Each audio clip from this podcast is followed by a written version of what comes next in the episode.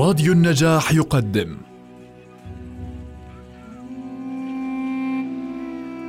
المسلسل الإذاعي صلاح الدين الأيوبي للكاتب وليد سيف والمخرج حاتم علي.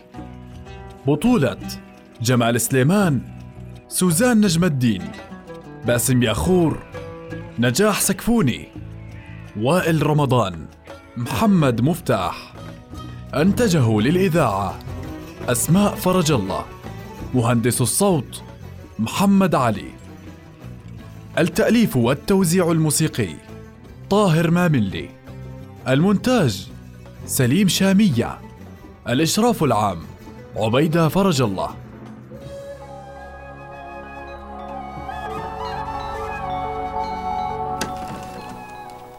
ولماذا تكشف لنا هذا؟ يعني إنه أبي. نعم. ولكني أقدم عهد الله الذي قطع لكم وكفى ما لحق بمصر من خططه. ولو سكت عن تدبيره هذا بعد أن عرفته لكنت شريكه عند الله في الإثم وما زلت مذ عرفت في حيرة من أمري. حتى كأني أنشطر نصفين فمرة أقول ليتني ما عرفت. حتى لا يكون علي أن أبوح بسر لا أعرفه. ومرة أقول أراد الله أن أعرف لكي أصون الأرواح وأصون مصر. وها أنا ذا عندكم. ولعل عملي هذا أن يكون شفيعا له فأكون قد خلصتكم وخلصته. بارك الله فيك. والله ما يقدر عليها إلا من صح إيمانه. وخشي الله في نفسه ونفوس الأمة. هكذا إذا يريد أن يقتلنا بالسم. لن تستقيم أمورنا وأمور مصر بوجوده فهو لن يتوقف يوما. كنت أقول لا نفسد الغاية العامة بالغاية الخاصة والآن يتضح لي أن الغاية العامة لن تتحقق إلا بالغاية الخاصة صلاح الدين أين الأمير أسد الدين؟ وأين بقية الأمراء؟ ألن يصطحبون إلى البستان؟ الوليمة معدة والخدم ينتظرون إنما خرجنا لنعتذر لك يا سيدي عن وليمة اليوم فقد توعك عمي ولزم فراشه لا حول ولا قوة إلا بالله. لا بأس عليه لا بأس عليه. وجبت علينا عيادته ثم نرسل إليه أمهر الأطباء. ومتى شعر بالمرض؟ وما أعراضه؟ لست طبيبا ولكن أراده غريبة. لولا أنه لم يأكل عند أحد لقلنا إنه السم. تفضل.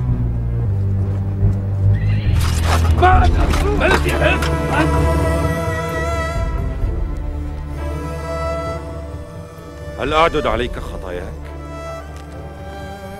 كم قتل من المسلمين بسببك وكم أتلف من أموال الأمة؟ وقتل رجل واحد كالرسول الذي أرسلناه إليك مثل قتل الناس جميعا. ومع ذلك صفحنا عنك وتعاهدنا على ألا يمسك أحد بسوء. ولكنك أبيت إلا أن تنقض عهدك أمام الله من جديد. ولكن خانك الحظ هذه المرة. فإذا قتلت الآن فإنك تقتل بحكم الله في القاتل وفي من يفسد في الأرض. وقد ظهر أن التخلص من شرورك هو درء المفسدة الكبرى. سيدي وصلت لأمير المؤمنين العاضد. أمر ولي الأمر. لم يتركنا ننتظر طويلا. ننفذ أمر أمير المؤمنين.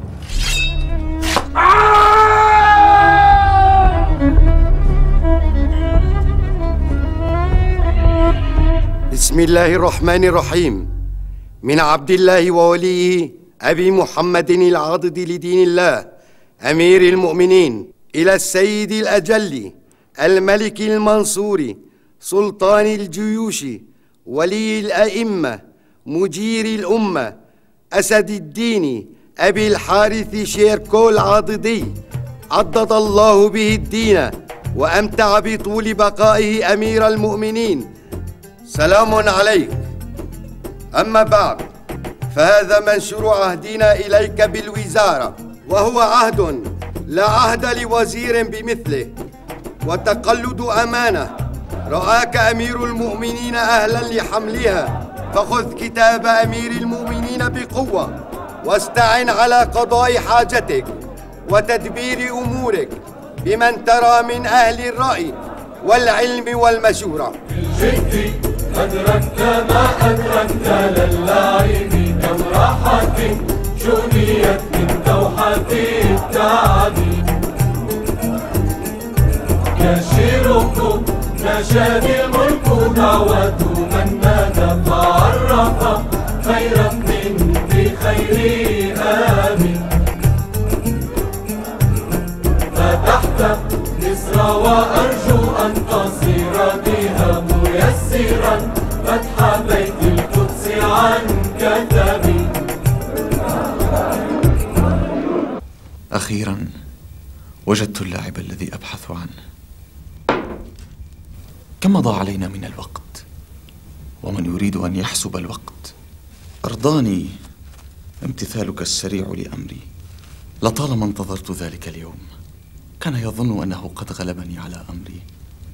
ولكني أحسن الانتظار والصبر ولا أتعجل حتى يحين الوقت وهو دائما يحين أليس كذلك؟ لقد قضينا على الشقي أنا وأنتم أليس كذلك؟ أنا وأنت على وجه الخصوص بأمري وسيفك ما كنت لأمضي في الخلاص منه لولا أنه كان مستحقا لحكم الله فيه حتى مع أمري؟ وهل يخالف أمر أمير المؤمنين حكم الله؟ تخلص حسن. يعجبني هذا.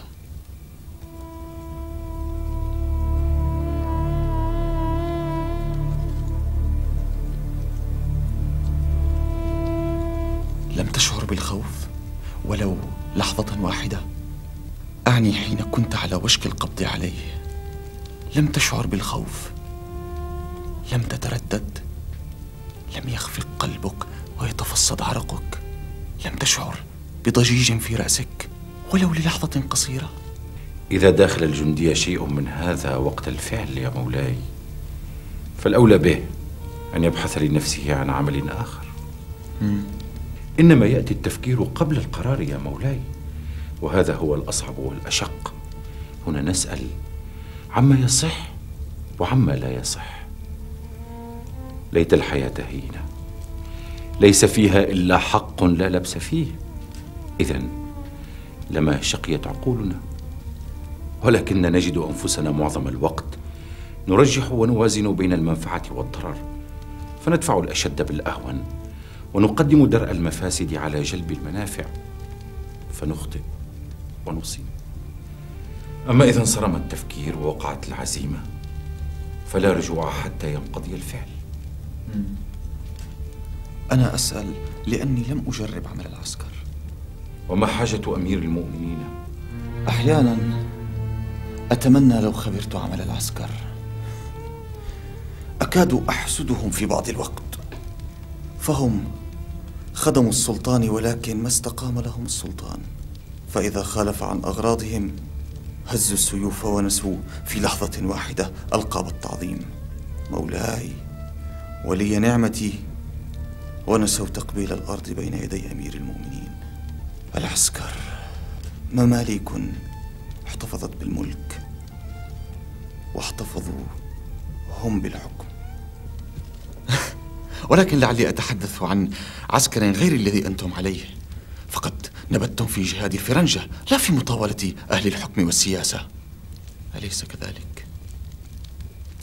لا نطلب غير الجهاد يا مولاي وتحرير بيت المقدس.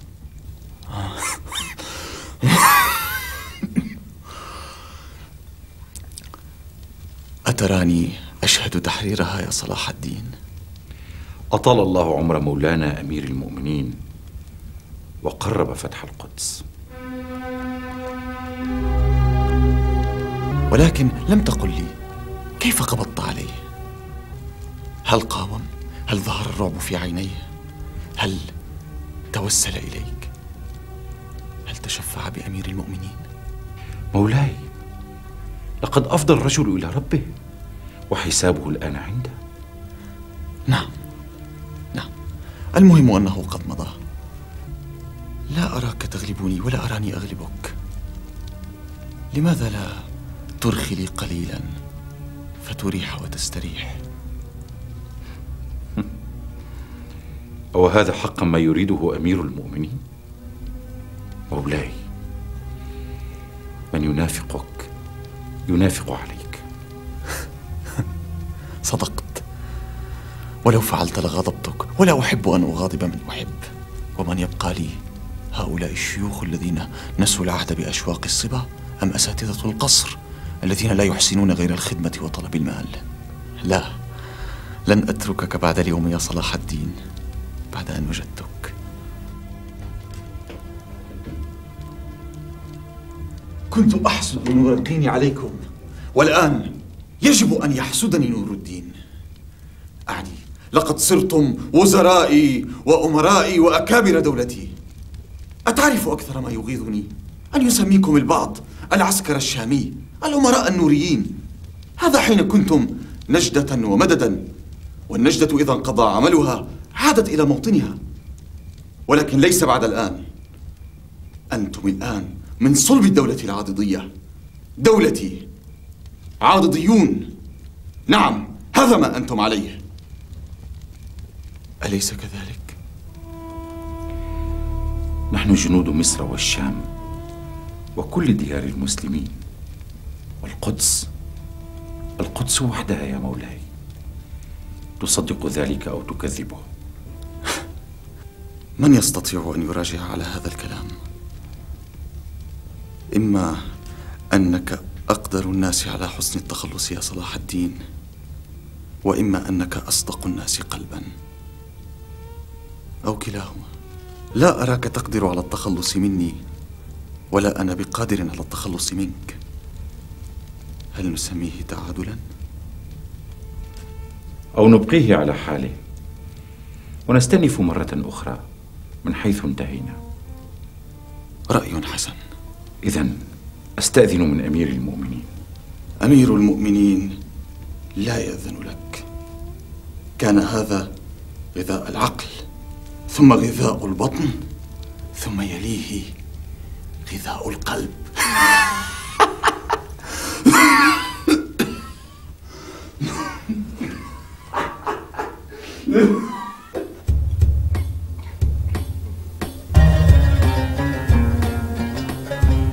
هيا تبسط؟ للشباب حق على أصحابه. ولا بأس في أن يستروح المرء قليلا فيعود إلى عمله. وقد ازداد نشاطا. هنا ننسى ما تفرضه علينا رسوم السلطنة والخلافة والإمارة. تلك الرسوم التي صنعناها ثم صارت تصنعنا. فلا ندري على الحقيقة من نحن. هنا نرتد إلى الطينة التي جبل عليها كل الناس. الكبير والصغير الأمير والفقير. خذ الحكمة من أمير المؤمنين والإذن بالتبسط. واخلع عنك العذار فلا يحسن التحفظ مع نشوة الطرب.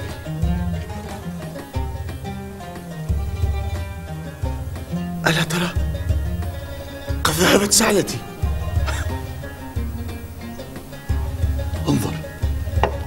انظر إلى هؤلاء الحسان فمن أعجبتك فقد وهبتها لك ولك نفقتها انظر إلى تلك الشقراء. إنها فرنجية ولكنها تتقن هذا النوع من الرقص أكثر من صواحباتها هل تعجبك؟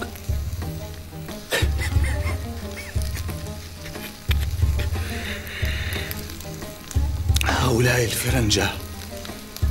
بني الأصفر. ليس فيهم مزية تحمد إلا جمال نسائهم. وصبر فرسانهم للإنصاف يا مولاي. الأولى لنا والثانية علينا. ليتهم كانوا كلهم نساء مثل هذه المليحة. أخشى يا مولاي أنه الضد. لقاء فرسانهم لنا والميل إلى نسائهم علينا. أو نجمع بين الخيرين. نجاهد فيهم فنقتل فرسانهم ونسبي نساءهم. أجر الآجلة وغنيمة العاجلة. غلبتك في هذه.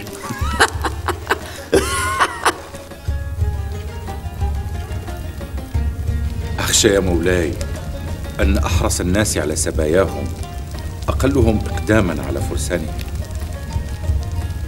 لا يفارقك الجندي يا صلاح الدين. لقد صار يطيل الصحبة مع هذا الشامي. قد تسلطن أخوك في مصر يا نجم الدين. يبقى مملوك مولاه الملك العادل ونائبه يا سيدي. أرجو ألا تصرفه الوسيلة عن الغاية فيذكر بأن وزارة العاضد وسيلة. أما الغاية فهي وحدة مصر والشام والعراق تحت خلافة واحدة. ليس أسد الدين بالذي ينسى ذلك يا سيدي. طب خاطر. تدرك غايتي ومقصدي. لا ريب يا سيدي لا ريب.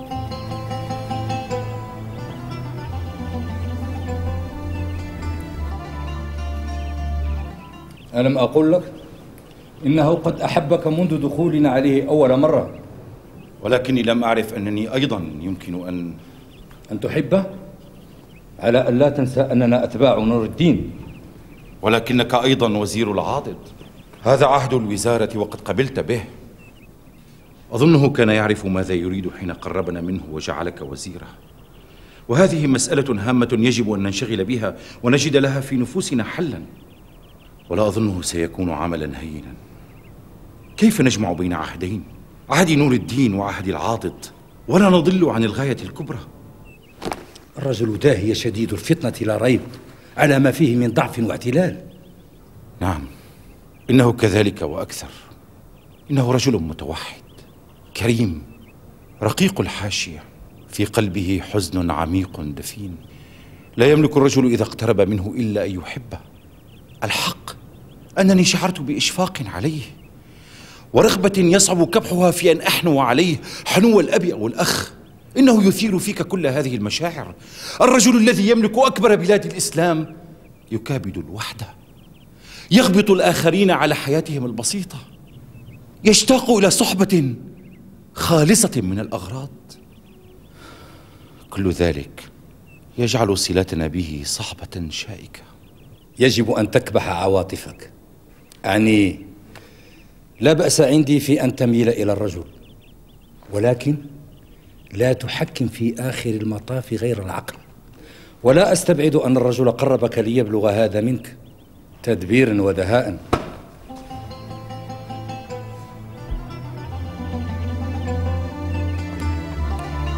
واحذر أساتذة القصر. فقد استأثر هؤلاء بالخليفة ظهرا ومن عادتهم أن ينقموا على رجل جديد يختصه صاحب السلطان بالصحبة والملازمة. آه بهاء الدين؟ خذ هذه. الكاتب الذي طلبت من ديوان الإنشاء أن يخصصه لك يا سيدي. وصل. أجل في الداخل. ما اسمه؟ القاضي الفاضل عبد الرحيم بن علي البيساني.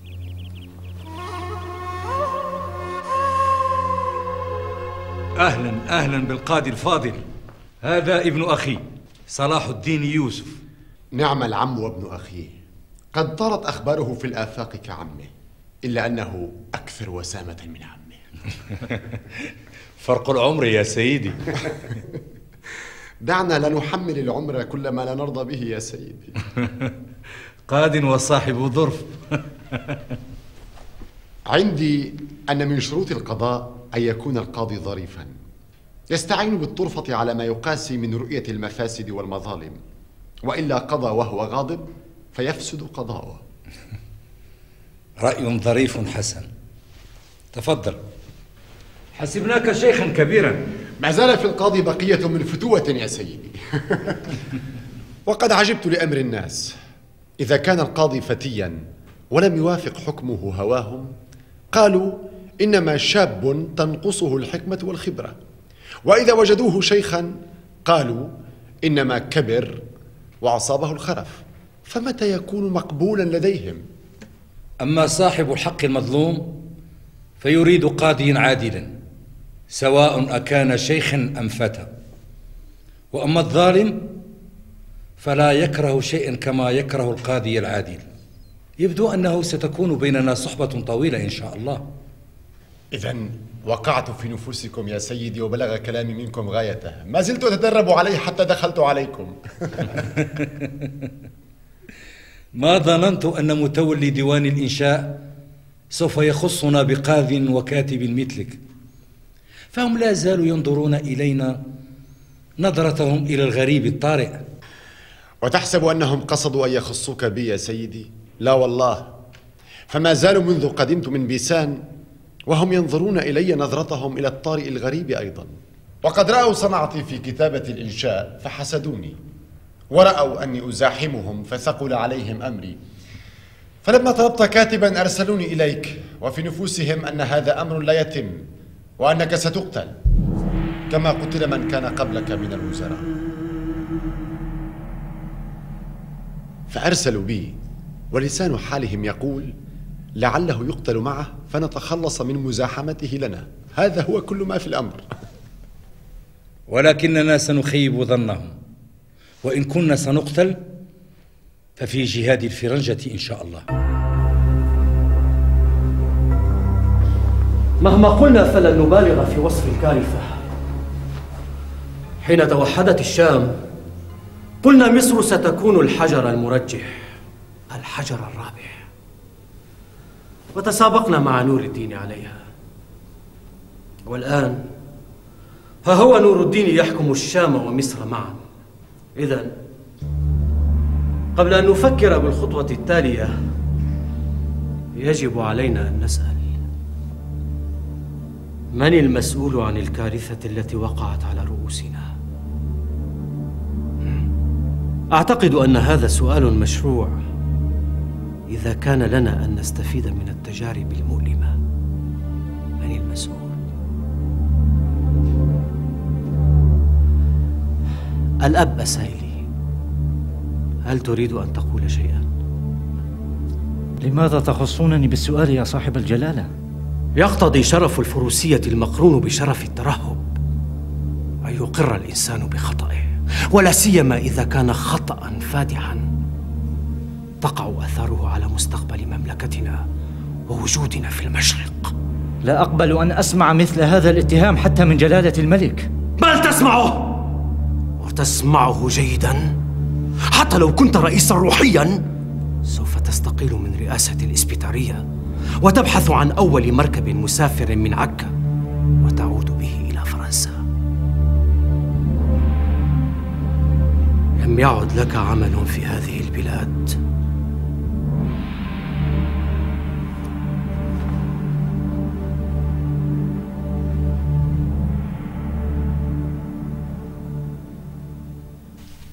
طابت ليلتك. ألا ألا تبيت عندي الليلة؟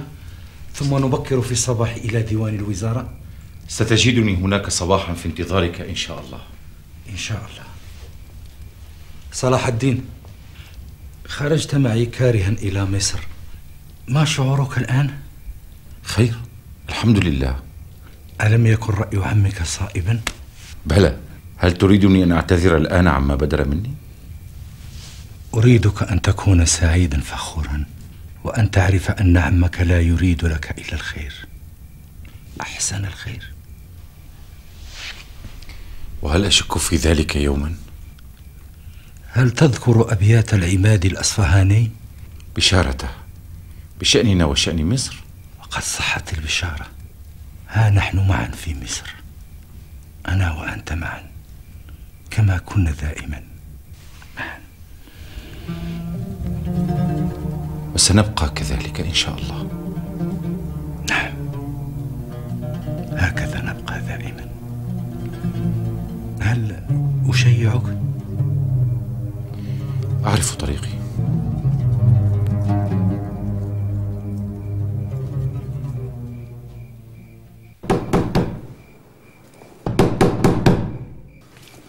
بهاء الدين قرقوش ما الذي جاء بك في هذا الليل؟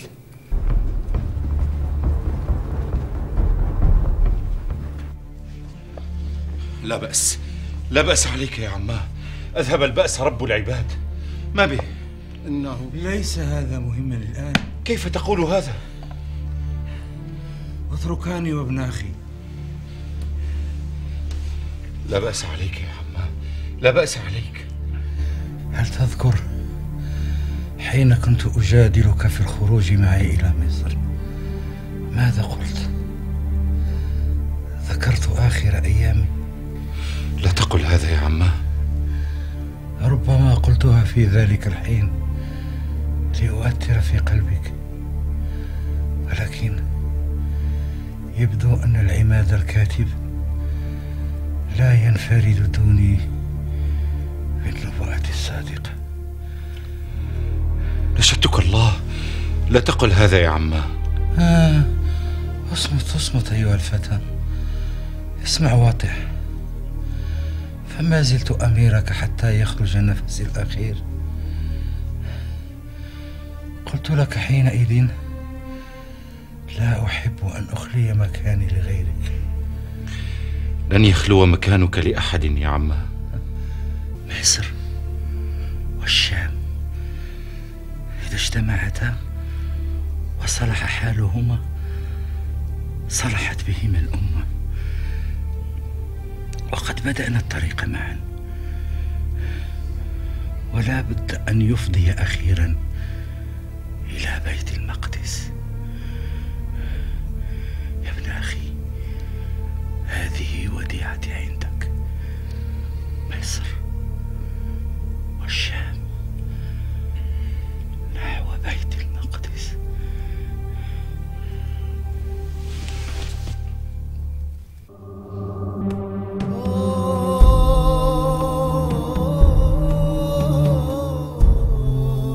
إن القلب لا يحزن وإن العين لتدمع وإنا على فراقك يا عماه لمحزونون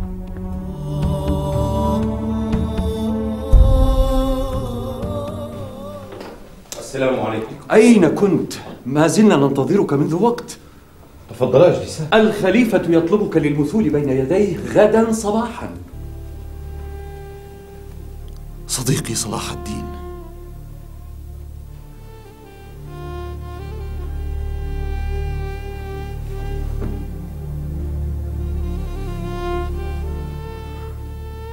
لله ما أخذ ولله ما أعطى وكل شيء عنده بمقدار. فاصبر واحتسب. كان رجلا عظيما وخسارتنا فيه بقدر عظمته. إنا لله وإنا إليه راجعون. يجب ألا يصرفنا الحزن عما توجبه مصلحة الدولة والخلافة. أعني النظر في من سيخلف عمك في الوزارة فلعلك تشير عليه. لست أفضل من تسأله عن هذا يا مولاي. ولكني أسألك. أما أكبرهم؟ فعين الدولة اليارقي أحسست فيه صلفا وكبرا. إن لم يكن فيستوي المقدمون الآخرون. قطب الدين ينال وخالي شهاب الدين الحارثي وعز الدين شرديك ذكرت هؤلاء ولم تلتفت إلى أقرب الناس إليك. نفسك لم تذكر نفسك. أنا؟ أبعدت المرمى يا مولاي فأنا أصغرهم سنا. ولكنك لست أصغرهم قدرا عندي. وأنا بعد أصغر منك سنا وأنا الخليفة. الأمر مختلف يا مولاي فالخلافة حق موروث لا ينظر فيه إلى السن. أما الوزارة فاختيار وتعيين من صاحب الولاية والأمر. أو بالجبر والسيف كما كانت الحال مع وزرائنا قبل عمك رحمه الله.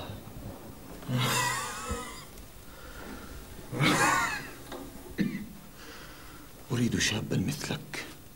يكون قريبا من نفسي وعقلي كما أنت مني. نشدك الله يا مولاي.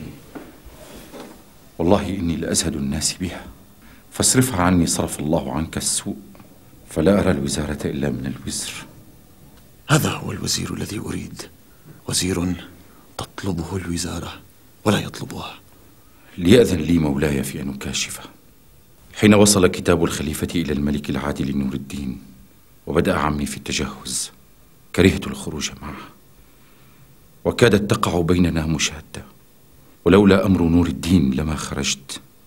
وما ذاك إلا لأني أحب الجهاد وأكره السياسة لما شهدت من طرقها الملتوية.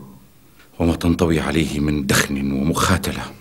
وهذه لها رجالها ولست أراني منهم. كأنك تقول نتركها إذن لمن يتقن الكذب والمخاتلة والمباطنة. اسمع يا صلاح الدين. أنا لم أختر وزيرا واحدا من قبل برأيي وميلي الخالصين. وقد علم الله أني أحببتك. يا مولاي هؤلاء الذين ذكرت أسماءهم أقدم مني في إمارة الجيوش ولا أحسبهم يرضون أن أتقدمهم في الوزارة فلا يطيعون. يخ... يخالفون عن أمر أمير المؤمنين؟ لا يملكون المخالفة ولكنهم يملكون الرجوع إلى الشام. إذا فهم لا يرون أنفسهم من رجال دولتي. قد أعطيتني سببا قاطعا للانصراف عنهم والتمسك بك. فلا بد من أن تقبل الوزارة. يا مولاي. نفذ أمر مولاك أمير المؤمنين.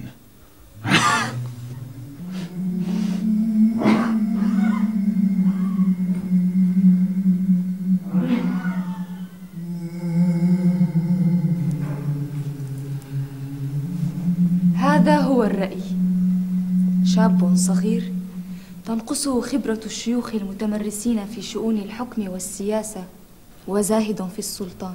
فيسهل على أمير المؤمنين قياده بدلا من أن يتسلط بالوزارة ويستقل برأيه.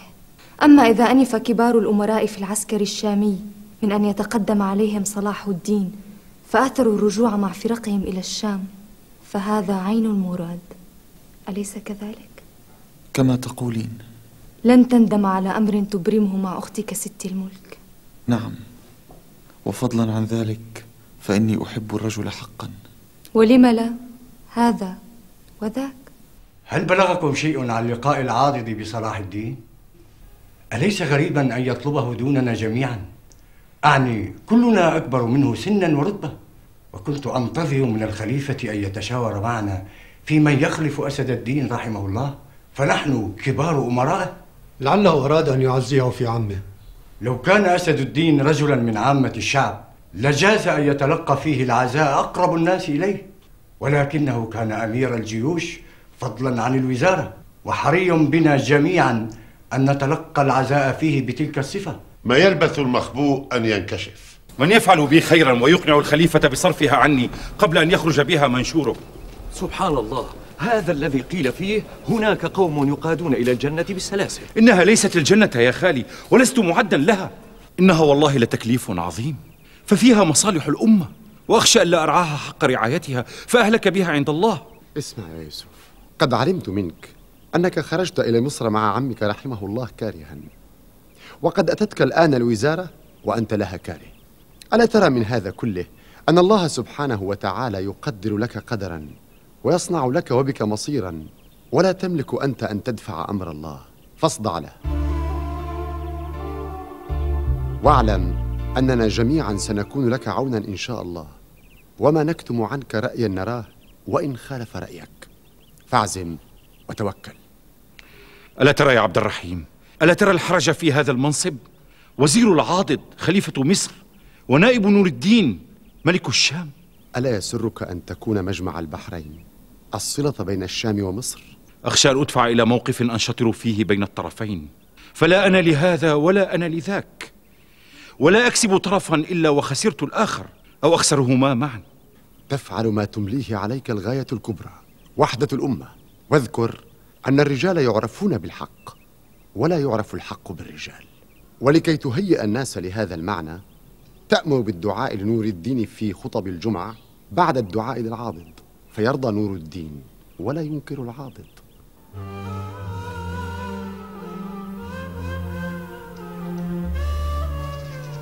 كأنك متحرج من أن تتقدم علي لأني خالك. أنت أولى مني بها. الأولى بها من عرضت عليه. والله لو عرضت علي لأخذتها ولم أؤثر بها أحدا على نفسي. ولكن اسمع يا ابن أختي لطالما غبطت عمك أسد الدين رحمه الله لما كان بينكما من صلة وقرب؟ وتمنيت لو كان لخالك فيك مثل ما كان لعمك فوالله لا يضرني أن أخدمك. فما يصيبك من خير يصيبني. هذا من جانب. ومن جانب آخر لو انصرف النظر عنك في أمر الوزارة لصغر السن وكان الخيار بين الكبار لما كان لي الفرصة مع وجود عين الدولة الياروقي. وأن تكون لك خير عندي من أن تكون لغيرك. لا يرضى بك الياروقي ويرضى بي. أخشى إذا نفد هذا الأمر أن ينفض عني مع الآخرين. عندئذ ستكون وزارتي سببا في الفرقة والنزاع بين العسكر الشامي وأمرائه. من يكون سندي عندئذ؟ بمن أحصن مصر؟ لا عليك من أمر الياروقي والآخرين. أنا أتولى إقناعهم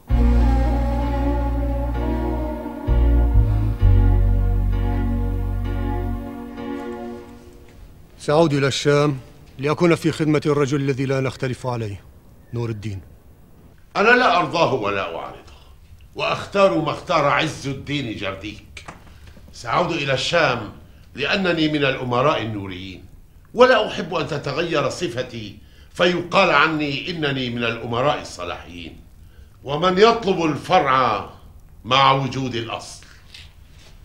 أنا في سني ومنزلتي أصير تبعا لشاب في عمر أولادي يتسلطن علي ابن أيوب وأنا أكبر الأمراء النوريين. ولماذا هذه الفرقة؟